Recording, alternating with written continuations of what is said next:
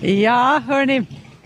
Det här, här, så här kan det också låta på morgonkvisten. Ganska häftigt. Jag har faktiskt aldrig tror jag sett en så här stor hoj för Sami Sundberg berätta om den här. Det här är de här första Road Kingarna med insprutning. Så går de ganska nätt nu. Ja, och med oss har vi också Kim Flink. God morgon på dig. God morgon, morgon. Du är alltså från Clowns MC Karis medan Sami kommer från Hog Fellows och vi finns här vid, vid, ett, eller vid, vid clownernas klubbhus här invid järnvägsspåret i Karis. Och det vi ska prata om är alltså en, något som ni kallar Tikka Run. Berätta vad det handlar om.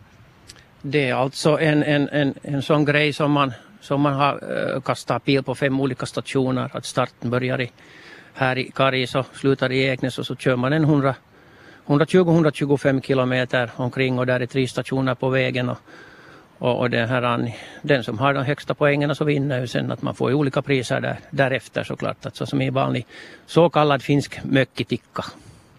Just det. Men, men det, varför ni gör det här, så det handlar alltså om välgörenhet?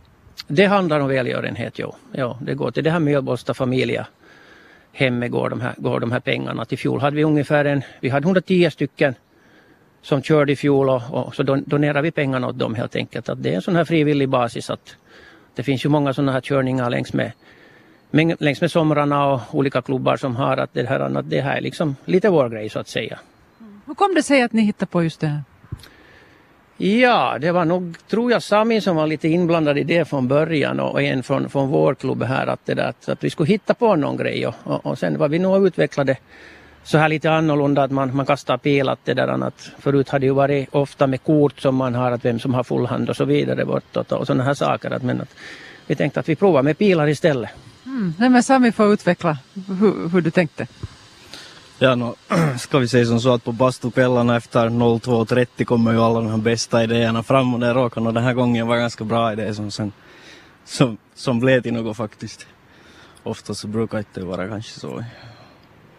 Hur pass stort gehör har du vunnit liksom bland dina sån här systrar och bröder om att som är med? Var alla med genast? No, nu tog det ju en stund men ganska hastigt så tyckte nog alla att det lät som en bra idé. Så börja litet och efterhand blir större och större sen. Inte det. Ganska mycket planeras blev det nog men, men det där med tanke på att det var första gången förra året det var 100, 110 deltagare så gick det jäkligt bra nog. Varifrån kom de deltagarna? No, ganska mycket här nära nog. Men det kom nog några lite längre ifrån också. Att det, det är ganska blandat nog. Du sa just här Kim att, att ni kommer inte att köra själva för ni hinner inte, eller hur? Nej, för att det i hela organisationen så behövs det ju en, en 20-25 gubbar som är ute och sköter det här och, med mat och, och det här tar betalt och så vidare och, och till har de här olika punkterna så att det, det, det räcker inte till att det, vi får köra vi får köra något annat välgörenhetsrace någon annanstans sen i så fall. Att det där. Harmar det då att man inte får köra själv?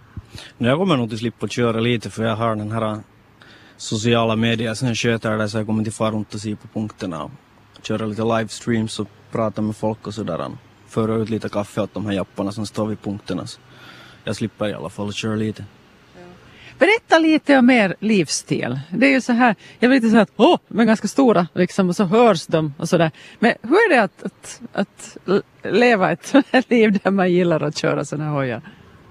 No, det är ju tyvärr så har vi den långa vintern i Finland men det här mm, ofta så är ju folk och, eller gossarna då och skruvar på sina cyklar på vintern och förbättrar eller försämrar ibland också. Den kan ju gå så.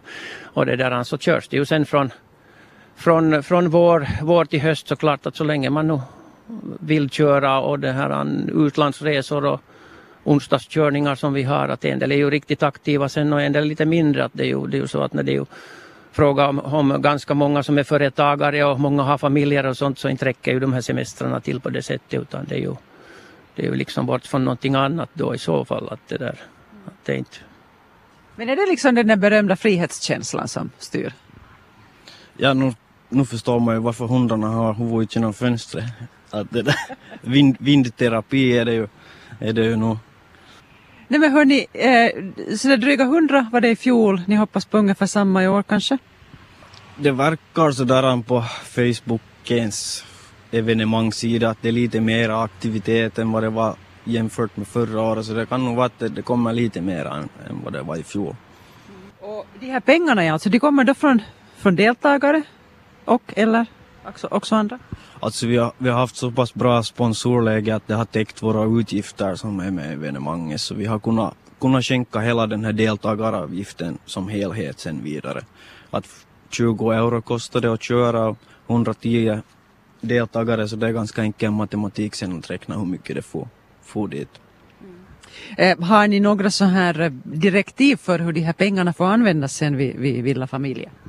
Nej, det har vi inte, men vi fick ganska bra sån här redogörelse därifrån Villa att just att vad de använde dem till, att de får ju på sån här skidsemester med barnen och det där och använt pengar till sånt och att det var ju sådana som aldrig hade varit på sådana här skidorter och gjort någonting. Att den, vi fick en riktigt en sån här bra redogörelse över det att det var, det var, det var liksom helt okej. Okay. Därför tänkte jag att vi att vi fortsätter helt enkelt. För att det är ju alltid det här problemet att vart ska man skänka? Att, att drunknar de, det är inte så stora summor som vi har skänkt. Att, det där, att drunknar det i den hela stora massan sen. Att, men att här liksom tycker vi att det går till, till en sån här lokal som är här, hör inom Raseborg så, så stannar ju liksom pengarna här och, och då har de så att säga något nytta och glädje av det.